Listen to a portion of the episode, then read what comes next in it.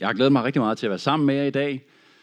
Både fordi I er søde og dejlige, og fordi det er dejligt at være her i kirken sammen med jer, men også fordi, at øh, det, som det skal handle om i dag, nemlig Guds nærvær, det er noget af det, som virkelig øh, er på mit hjerte. Det er noget af det, som jeg brænder allermest for.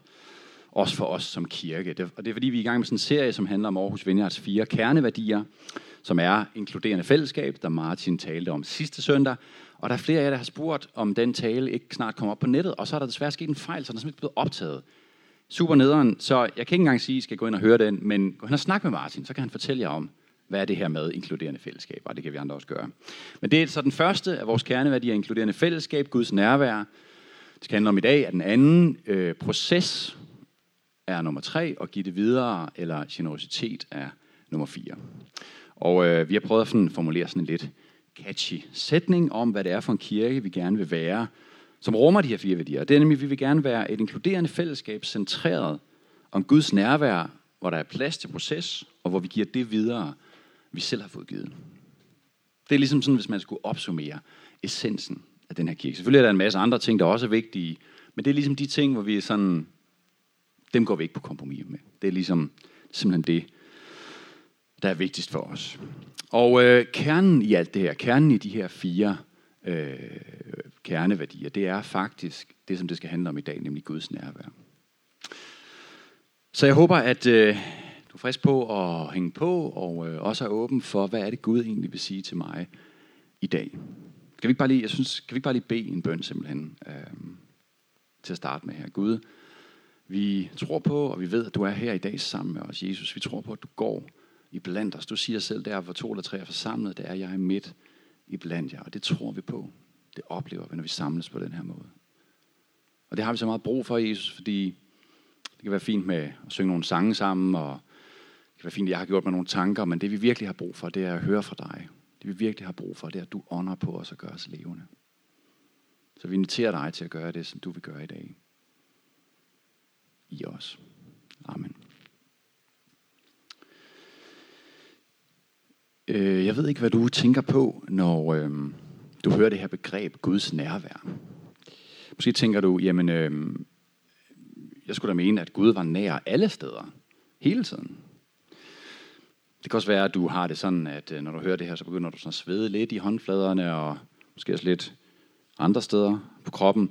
Fordi du måske har været i sammenhænge, hvor det her begreb Guds nærvær, eller helligånden, på en eller anden måde, er kommet til at fylde på en dårlig måde. Måske på en måde, som du oplevede var manipulerende, eller ubehagelig, eller et eller andet. Og ja, mit håb det er, at uh, uanset hvad du har spørgsmål til det her, eller hvad skal man sige, kvababelser, uanset hvad du måske har haft af dårlige oplevelser omkring det her tidligere, så håber jeg, at du vil gå hjem i dag og både være lidt klogere på, hvad det egentlig det her handler om, men måske mere end det oplever, at i den her kirke, der er så plads til dig, uanset hvordan du har det med det her. Fordi netop det her med at være i proces, det er nemlig det, som vi gerne vil være sammen. Øh, og Guds nærvær, sådan helt kort fortalt, så er det faktisk et af de gennemgående temaer i Bibelen. Det er den bog, som vi tror på, den bog, som vi tager seriøst. Og den fortæller en historie om en Gud, som faktisk har skabt os mennesker til hans nærvær. Skabt til at have fællesskab med ham. Gud han skaber os faktisk, fordi han længes efter mere fællesskab. Efter nogen at have mere fællesskab. Gud har fællesskab med sig selv i treenigheden, Gud Fader, Søn og Helligånd. Men han har også længes efter mere fællesskab, og det er derfor, han skaber os. Vi kan læse om i første Mosebog, hvordan han skaber en verden, som er god. Det står syv gange, den er god. Den er god, den er god, den er god, den er god. Syv gange står det. Og øh, vi kan også læse om, hvordan Gud selv er til stede midt i det skaberværk, som han har skabt. Der står faktisk, at Gud går rundt i Edens have sammen med Adam og Eva. Næsten som om han var en person, som gik rundt sammen med dem. Jeg får næsten indtrykket, når jeg læser den her historie af, at det er nærmest som om, de havde sådan en fast rutine med, at hver aften, så kom Gud og gik aftentur sammen med Eva og Adam, og jeg forestiller mig, at de har gået sådan og snakket lidt om, hvordan dagen har været, og om, prøv at se, den her blomst, der er ved at springe ud, eller det her dyr har fået unger, eller hvad man nu kunne finde på at snakke om og glæde sig over sammen. Jeg tror, Gud har glædet sig over hans skaberværk. Men det vi så kan læse videre om i historien, det er, at en dag så er der noget, der går i stykker. Og ikke bare en lille ting, men det er noget helt essentielt, ja faktisk noget livsvigtigt, som går fuldstændig i stykker. Fordi en dag så kommer Gud, ligesom de andre dage, for at gå aftentur med Adam og Eva, og for at have fællesskab med dem. Men der er noget, der er anderledes, og Eva og Adam, de er der ikke. Eller det vil sige, de er der, men de har gemt sig. Fordi de skammer sig. Fordi de er bange for Gud. Der er noget, der er fuldstændig ændret. Og det er det her med, at selvom at alting var skabt så fantastisk godt, selvom at Eva og Adam havde alt, de havde behov for, så var det ikke nok for dem. De havde ikke nok med at være Guds børn. De ville være som Gud selv. De ville være som skaberen selv. Så de gør det eneste, som Gud har sagt til dem. Hvis I gør det der, så skal I dø. De gør det, og derfor så ved de godt, at de har på en eller anden måde forbrudt sig mod Gud. Og derfor så bliver de fyldt af skam over det, de har gjort, og over dem, de er. Og så gemmer de sig for Gud. De trækker sig væk, fordi det er det, som skam gør.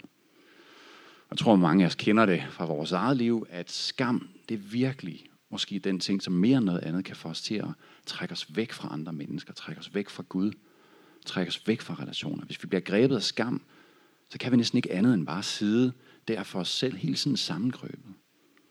Skam isolerer os. Og Gud han kommer der om aftenen, og han kalder på dem. Hvorfor er jeg ikke? Han kalder på dem. Adam, hvor er du, står der, Gud kalder.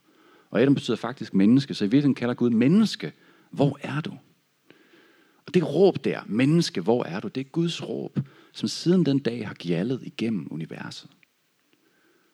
Fordi at enhver os, som var skabt, så godt skabt til at leve i fællesskab med Gud, det gik i stykker. Det var det, der var formålet med vores liv, at vi kunne være i fællesskab med ham, at vi kunne leve i Guds nærvær, at vi kunne være badet i hans kærlighed, at vi kunne få lov til at opleve os fuldt ud elsket, til at leve i tæt relation med vores far, med vores skaber. Jeg tror virkelig på, at det er det der formål i vores eksistens, og jeg tror også på, at alt godt i det her liv, det udspringer fra den relation. Vores identitet, glæde, helhed, håb, fred, mening og formål, alle de ting, som vi dybest set længes efter har behov for som mennesker, det springer ud af den relation med vores skaber. Men den gik i stykker. Og den er på mange måder stadig gået i stykker, fordi vi stadig skammer os. Fordi vi gemmer os for Gud, fordi vi trækker os væk. Men Gud han har aldrig stoppet med at kalde på os. Hans råb, som jeg sagde før, det gælder stadig igennem universet. Han har på intet tidspunkt vendt os ryggen tværtimod. Hans stemme kalder på os hver eneste dag. Hvert eneste sekund. Kalder på os og drager os om at komme hjem til ham. Om at komme hjem til ham igen. Fordi han er ikke sur på os. Han længes bare efter os. Og fordi hans natur er sådan, at han kan simpelthen ikke give op på os. Han elsker os for meget. Han kan ikke give op. Og hele vejen igennem Bibelen, det er virkelig det, der er den gennemgående tråd i hele Bibelens historie, det er på en eller anden måde den her quest, som handler om genoprettelsen af vores, af menneskers fællesskab med ham. Fordi Gud ved godt, at uden hans nærvær i vores liv, uden hans livgivende ånd, så er vi sådan set fortabte. Så kan vi godt leve vores liv, men vi lever det dybest set, som om vi er levende døde. Helt Gamle Testamentet handler om det her, hvordan Gud udgyder sin ånd over nogle særlige udvalgte mennesker, profeter eller konger, som blev udvalgt af Gud til at lede det her folk, Israel, igennem den her quest, nemlig Guds store quest for genoprettelse af relationen til ham og genoprettelsen af den her verden. Og det er netop det, der er Israels rolle, nemlig at være et helligt folk, et udvalgt folk. Ikke fordi de som sådan klarede noget super godt, eller der var noget særligt ved dem, men fordi Gud udvælger dem, og vælger dem til at være nærmest, man kan næsten sige, en kanal for hans nærvær ind i den her verden. Og langt hen ad vejen, så går det godt. Ikke også? De har Guds nærvær, de går i ørkenen foran sig som en skysøjle. De har Guds nærvær i tabernaklet, det her øh, transportable tempel, som de tager med sig rundt. Og senere hen, så tager Guds nærvær bolig i det tempel, som Salomon bygger. Og så længe at Israels tro op igennem historien, eller så længe Israels konger er tro øh, imod Gud, så længe de ligesom vælger at sige, at vi tror på dig, Gud, vi, vi stoler på dig, så går det godt for dem. Så er Guds nærvær der, og de får lov til at, og, øh, simpelthen leve godt på alle måder. Men der begynder at ske det her, at de mister tilliden til Gud. De begynder at dyrke afguder, de guder, som man dyrkede rundt om i folkeslagene. Nogle af dem med nogle helt forfærdelige ting øh, til følge, blandt andet sådan noget med øh, offringer af babyer og sådan noget halløj. Og fordi at Israel ikke stoler på Gud, fordi de ikke har nok i ham, så begynder det at gå dårligt for dem. De falder i hænderne på fjender, den ene gang efter den anden, og Israel bliver mere og mere bare sådan, kører mere og mere sporet. Og til sidst så kan man læse om i det gamle testamente i Ezekiels bog, hvordan at Guds ånd simpelthen forlader templet. En meget voldsom event øh, med buller og brag. Og så går der simpelthen ikke andet end ganske få år efter det, for at øh, Israel simpelthen bliver indtaget, og templet bliver ødelagt i år 587 før Kristus. Det er simpelthen historisk. Men til alles kæmpe store overraskelse, så er Guds plan ikke gået i vasken. Fordi nedenunder forsøget med at gøre Israel til et helligt folk, som kunne være en kanal for Guds nærvær ud til verden, så er der nemlig noget, noget der spiger frem. Noget fuldstændig uventet. Noget, som ingen kunne have forudset. Nemlig det mest skældsættende og banebrydende event i menneskehedens historie, i det, at Gud selv lader sig inkarnere, altså blive kød. Det er det, det betyder på latin, og han bliver menneske. Gud selv bliver menneske i Jesus. Så det vil sige, at Gud sender ikke bare sin ånd, hans nærvær til verden. Nej, han kommer faktisk selv i kød og blod for at genoprette alting. For at vi kan se ham ansigt til ansigt. Og det nye testamente, det taler om netop, hvordan at Jesus bliver det nye tempel.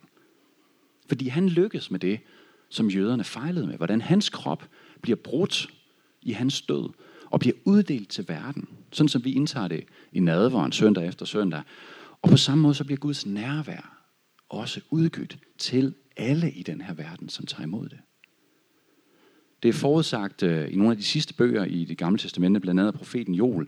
Og det er det, der også sker i pinsen efter Jesus død, hvor Guds ånd kommer på en helt fantastisk, fuldstændig overvældende måde, noget der aldrig er sket før i verdenshistorien, og kommer over alle disciplene og tusindvis af mennesker, som får lov til at opleve Guds nærvær, simpelthen på deres krop, helt, helt konkret og virkeligt. Så Jesus han døde faktisk for, at du og jeg kan leve i Guds nærvær. Ikke bare en gang efter døden, når vi skal være sammen med ham der, men allerede i dag.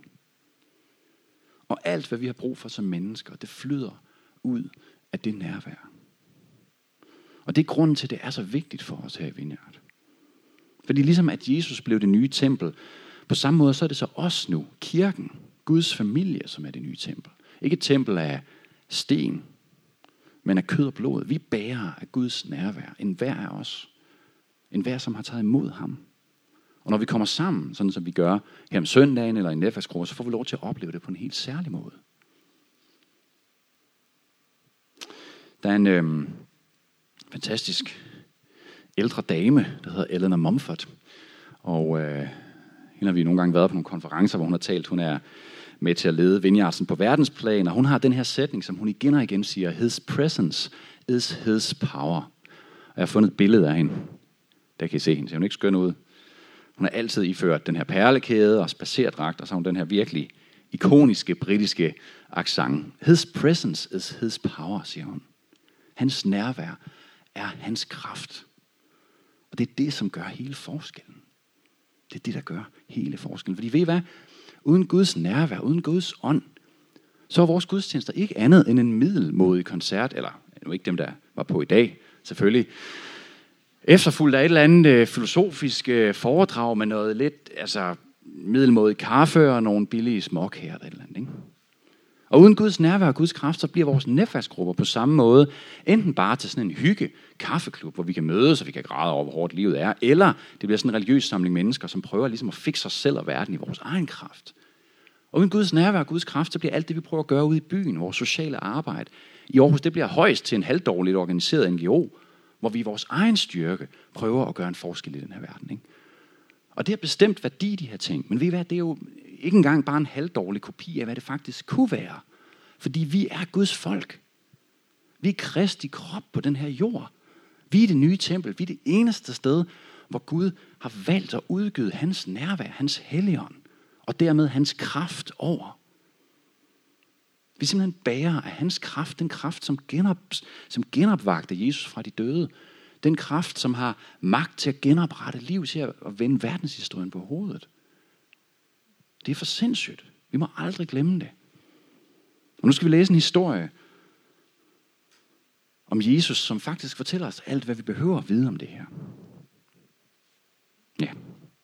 Så lad os gøre det sammen. Det er fra Lukas 7, og den kommer også op her på sliden. En af farisæerne indbød engang Jesus til spisning i sit hjem. Farisæerne, det var de her særlige øh, kan man sige, hellige mennesker. Det var de mennesker, som virkelig var sådan, gjorde det rigtig godt religiøst, og derfor både blev anset af andre folk, men de anså også dem selv for virkelig at være på toppen. Ikke? Så det er sådan the posh people. Så Jesus var inviteret hjem til dem, og så står der her, en kvinde fra gaden, en prostitueret, fik at vide, at Jesus var taget ind for at spise hos fariseren. Og hun gik derhen med en alabastkrukke fyldt med aromatisk olie. Da hun var kommet indenfor, knælede hun stille ned bag Jesu fødder og begyndte at græde. Hendes tårer faldt på hans fødder. Med sit lange hår tørrede hun dem, kyssede dem og hældte den aromatiske olie ud over dem. Da fariseren, som havde indbudt Jesus, så, hvad kvinden gjorde, tænkte han ved sig selv, det her det viser, at Jesus ikke er en profet fra Gud. For ellers ville han være klar over, hvad det er for en slags kvinde, som rører ved ham. Han vil vide, at hun er prostitueret. Simon, sagde Jesus, jeg har noget, jeg gerne vil sige til dig. Hvad er det, mester? spurgte fariseren. Der var to mænd, som skyldte penge til den samme mand. Den ene skyldte 500 denarer, mens den anden kun skyldte 50. Ingen af dem kunne imidlertid betale deres lån, så manden eftergav dem begge, hvad de skyldte. Hvem af de to tror du var mest taknemmelig? Må dog ikke det var den, som fik eftergivet mest, svarede Simon. Jo, du har ret, svarede Jesus. Så vendte han hovedet mod kvinden og fortsatte. Simon, har du set, hvad den kvinde har gjort? Da jeg kom ind i dit hjem, sørgede du ikke for vand til mine fødder. Men hun har vasket det med sine tårer og tørret det med sit hår. Du gav mig heller ikke det sædvanlige kys på kinden til velkomst. Men hun bliver ved med at kysse mine fødder. Du kom ikke med olivenolie til mit hoved, men hun kom med aromatisk olie til mine fødder. Det siger jeg dig. Hun har fået sine mange sønder tilgivet, for hun har vist stor kærlighed. Den, som kun har fået tilgivet lidt, viser ikke meget en kærlighed. Derefter sagde Jesus til kvinden, dine sønner er tilgivet. Der blev uro omkring bordet. Hvem er den mand, som påstår, at han kan tilgive folk deres sønder? sagde de andre gæster til hinanden. Men Jesus fortsatte henvendt til kvinden. Det er din tro, der har frelst dig. Du kan gå nu med fred i hjertet. Nogle gange, når man læser en historie i Bibelen, det kan være, at du har prøvet det, så kan der ske det, at man ligesom bliver taget sådan ind i historien, og får lov til at se det fra en af personernes øjne, og det bliver sådan meget mere virkeligt. Øhm, og den oplevelse havde jeg med den her historie for nogle år siden. Og jeg har lyst til lige at øh, bruge sådan 4-5 minutter på at tage jer med ind i den oplevelse nu. Så det håber jeg, du er frisk på. Du kan eventuelt lukke øjnene, hvis du vil prøve at forestille dig, hvordan det har udspillet sig, dramaet, hvordan det har set ud. Forestil dig den her kvindes liv. Lad os gøre det. Forestil dig, at du bor i en lille by. Du bor alene helt i udkanten af byen, eller måske endda lige udenfor. Du har ikke nogen venner, men alligevel ved alle, hvem du er. Dit liv, det gik nemlig ikke lige sådan, som du havde håbet på. Der blev gjort ting imod dig, som du ikke havde nogen kontrol over når du endte med at tage nogle dårlige valg. Måske var du gift, men din mand døde af en sygdom, og du kunne ikke forsørge dig selv.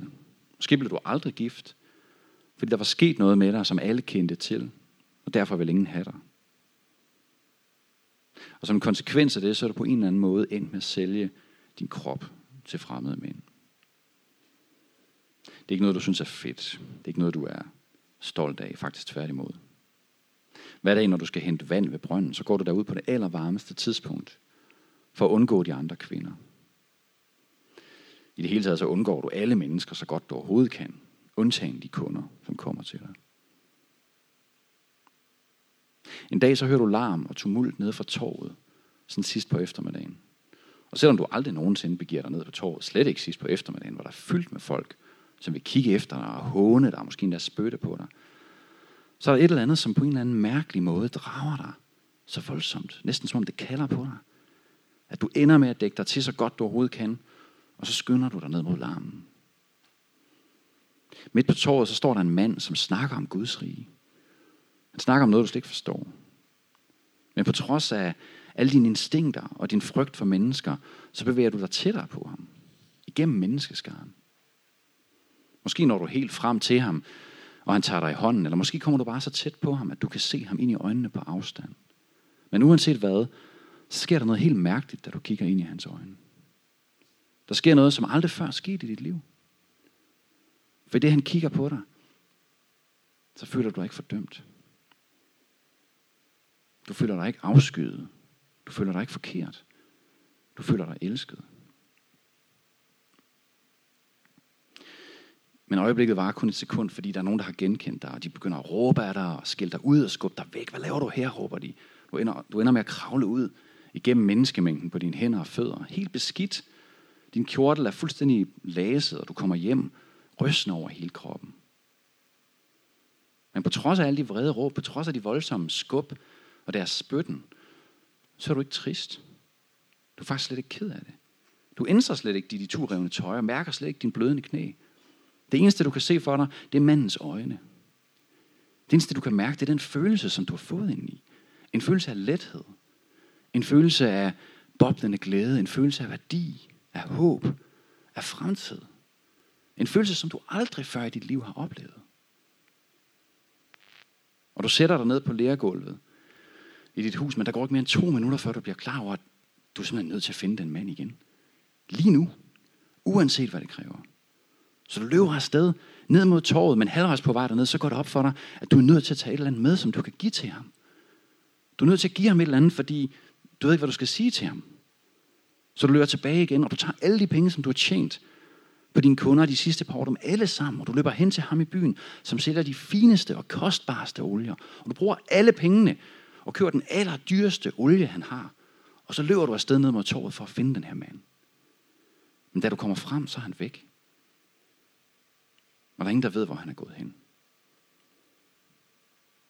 Helt nedtrykt går du hjem af med olien i den her krukke. Men da du næsten er hjemme, så overhører du nogle mænd, som sidder uden for et hus og snakker sammen.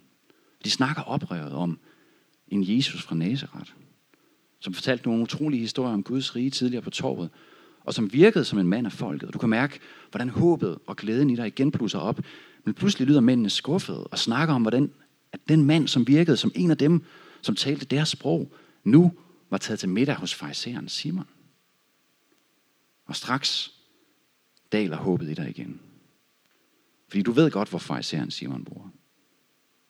I den helt anden ende af byen, i den fine del, hvor kun fariserne og den religiøse elite bor. Den eneste gang, du nogensinde har været der, var du, var du som en lille pige ved en fejl forvildet dig derind. Men samtidig så ser du hele tiden mandens blik for dig. Og det er næsten som om, du ikke har noget valg. Du er så draget af ham, at alt andet er ligegyldigt. Og dine ben fører dig afsted med din krukke, nærmest imod din vilje. Da du kommer hen til fariserens hus, så løber du bare ind ad døren. Forbi alle tjenerne og mændene, som kigger på dig, fuldstændig forundret. Og du ser manden sidde ved bordet, lige ved siden af fariseren, Simon. Du går hen til manden, og præcis som du havde forudset, så kan du ikke få et ord frem. Du begynder bare at græde. Og det er som om, at i hver eneste tårer, som løber ned ad din kind, der er alle de ord, som du ikke kan sige. Som om hver eneste tårer rummer en af dine historier. Alt, hvad du har gjort. Alt, hvad der er blevet gjort imod dig. Al din frygt. Al din smerte. Al din skam. Og som tårerne og historierne en efter en løber ned ad dine kinder og lander på Jesu fødder, der er det som om, at du slipper dem. Det er som om, de mister sit tag i dig. Og du føler dig lettere og lettere. Som om al smerten, al frygten og skammen forsvinder. Som om det bliver båret af en anden. Som om det ikke længere er din byrde at bære. Manden gør og siger ingenting, men lader dig bare græde ud. Og der ikke er flere tårer, og du stadig ikke ved, hvad du skal sige, så bøjer du dig ned, og helt uden tanke på, hvor skamfuldt det er for en kvinde, at slå sit hår ned, så løsner du hårbundet, og tørrer hans fødder med dit hår. Du kysser hans tørre fødder, og derfor så tager du salven, som du har betalt så utroligt dyrt for, med din krop, og hælder den ud over hans fødder. For du tør ikke at kigge ham ind i øjnene. Og som du langsomt gnider hans fødder ind i olien, der er det som om, at alt det, du har måttet gøre med din krop, og som er blevet gjort imod dig for at tjene de mange penge, bliver hævet ud af dig som nåle, ud af en nålepude. Det gør ondt, men det føles alligevel utrolig godt. Og til sidst tager manden din hånd, rejser dig op, kigger dig ind i øjnene og siger, dine sønner er tilgivet. Men det ved du allerede. Og du kigger ind i hans øjne så lang tid du kan, indtil du til sidst må slå blikket ned. Du går ud af stuen med hovedet bøjet, imens du ved, at fra nu af vil ingenting være det samme. Og du træder ud af døren til farisæerens hus og ud i et nyt liv.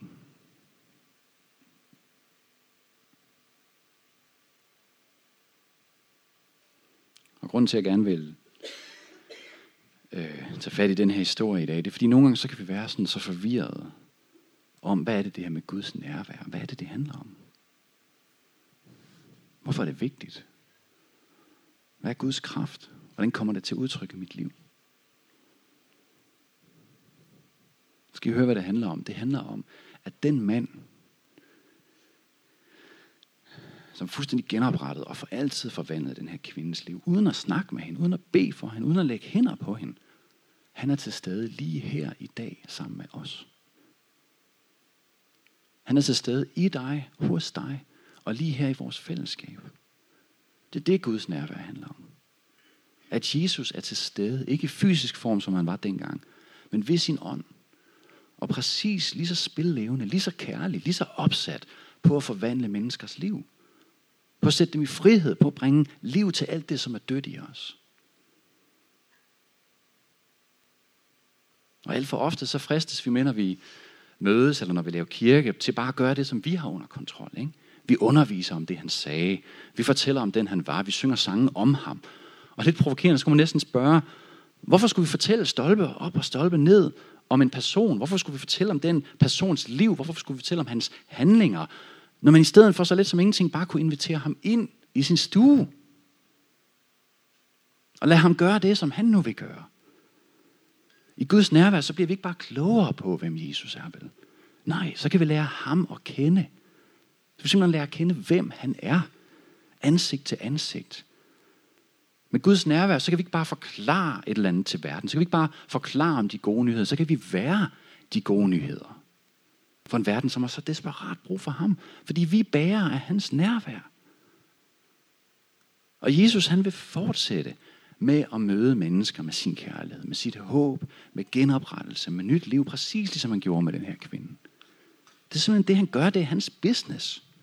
Det er hans modus. Jeg ved ikke, om du har tænkt på, hver gang du er i en netværksgruppe, så er potentialet til, at lige præcis det her kan ske. Fordi Jesus han er sammen med jer.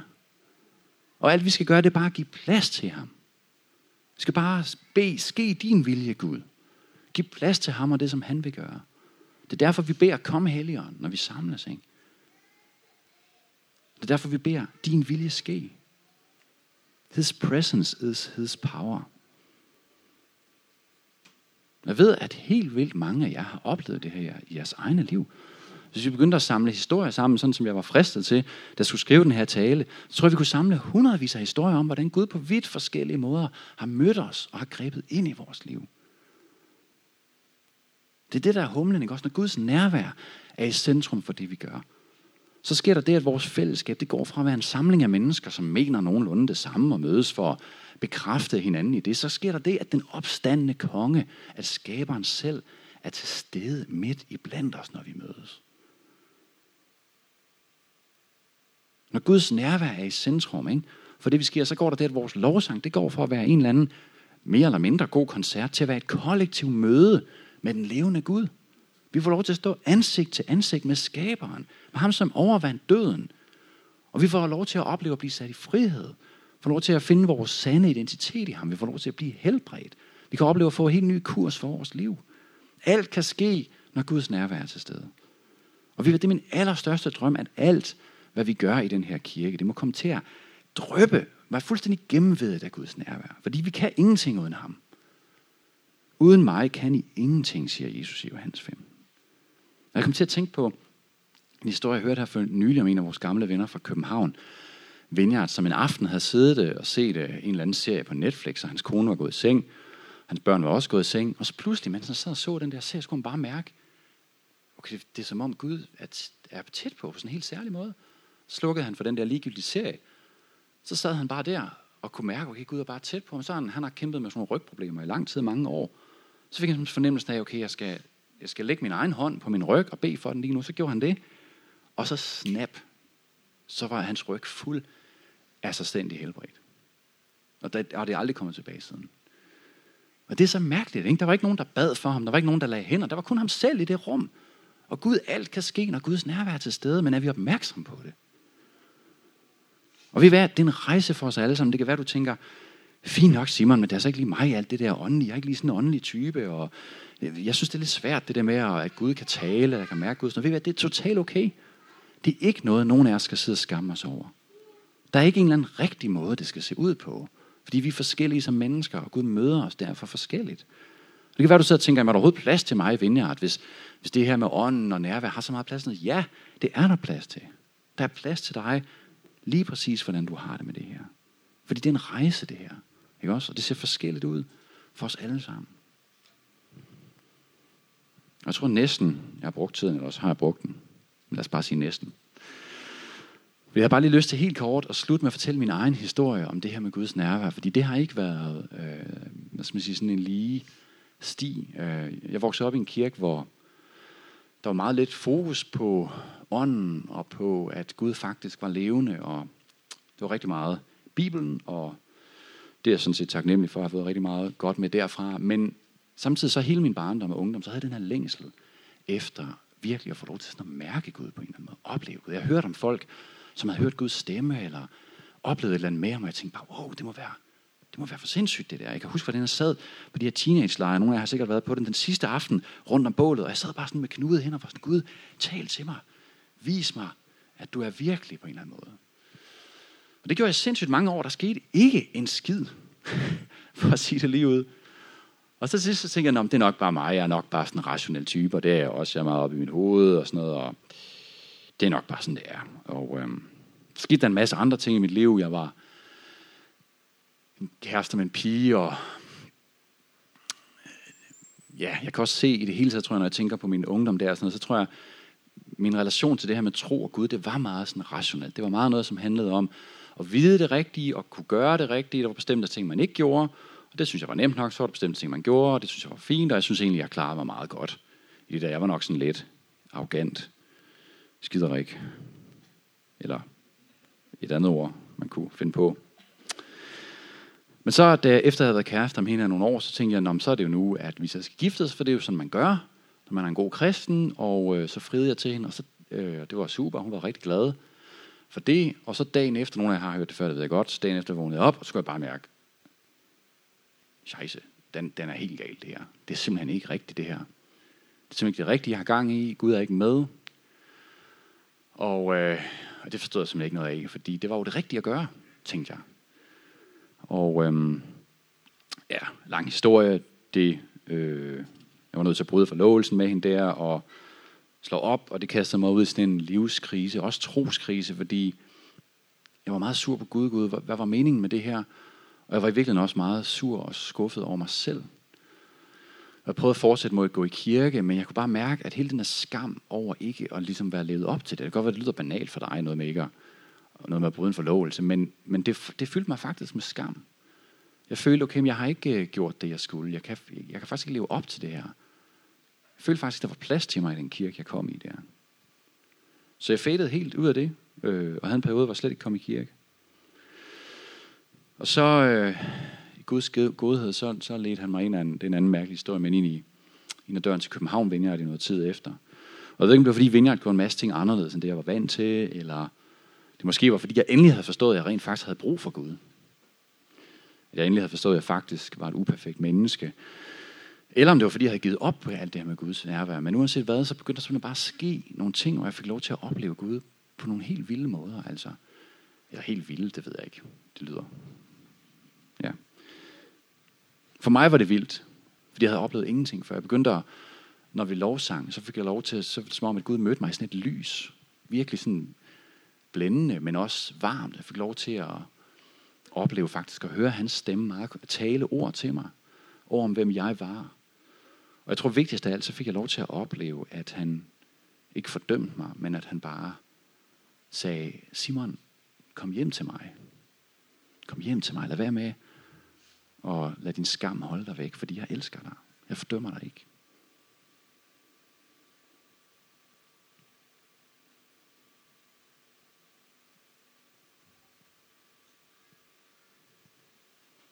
Jeg ved ikke, om... Jeg ved ikke, hvorfor I tror, at jeg elsker det her kirke, eller hvorfor jeg har givet mit liv til det. Om det er, fordi jeg elsker at have mange mennesker i et rum, eller fordi jeg elsker fællessang, eller fordi jeg elsker at stå her på scenen og sådan filosofere, eller høre min egen stemme, eller et eller andet, eller fordi jeg, ja, hvad det nu kan være, men vi ved, det har ikke noget med det at gøre. Ingenting. Jeg elsker kirke, fordi jeg elsker Jesus. Jeg elsker ham, når han er her midt i blandt os. Og han kommer til os med hans kærlighed og hans kraft. Jeg elsker at se mennesker blive mødt af ham. Ligesom den her kvinde, ligesom mange også er blevet det. Jeg elsker at se mennesker blive genoprettet, for omskrevet deres historie. Og derfor elsker jeg kirke, men kun hvis han er her til stede som centrum for alt, hvad vi gør.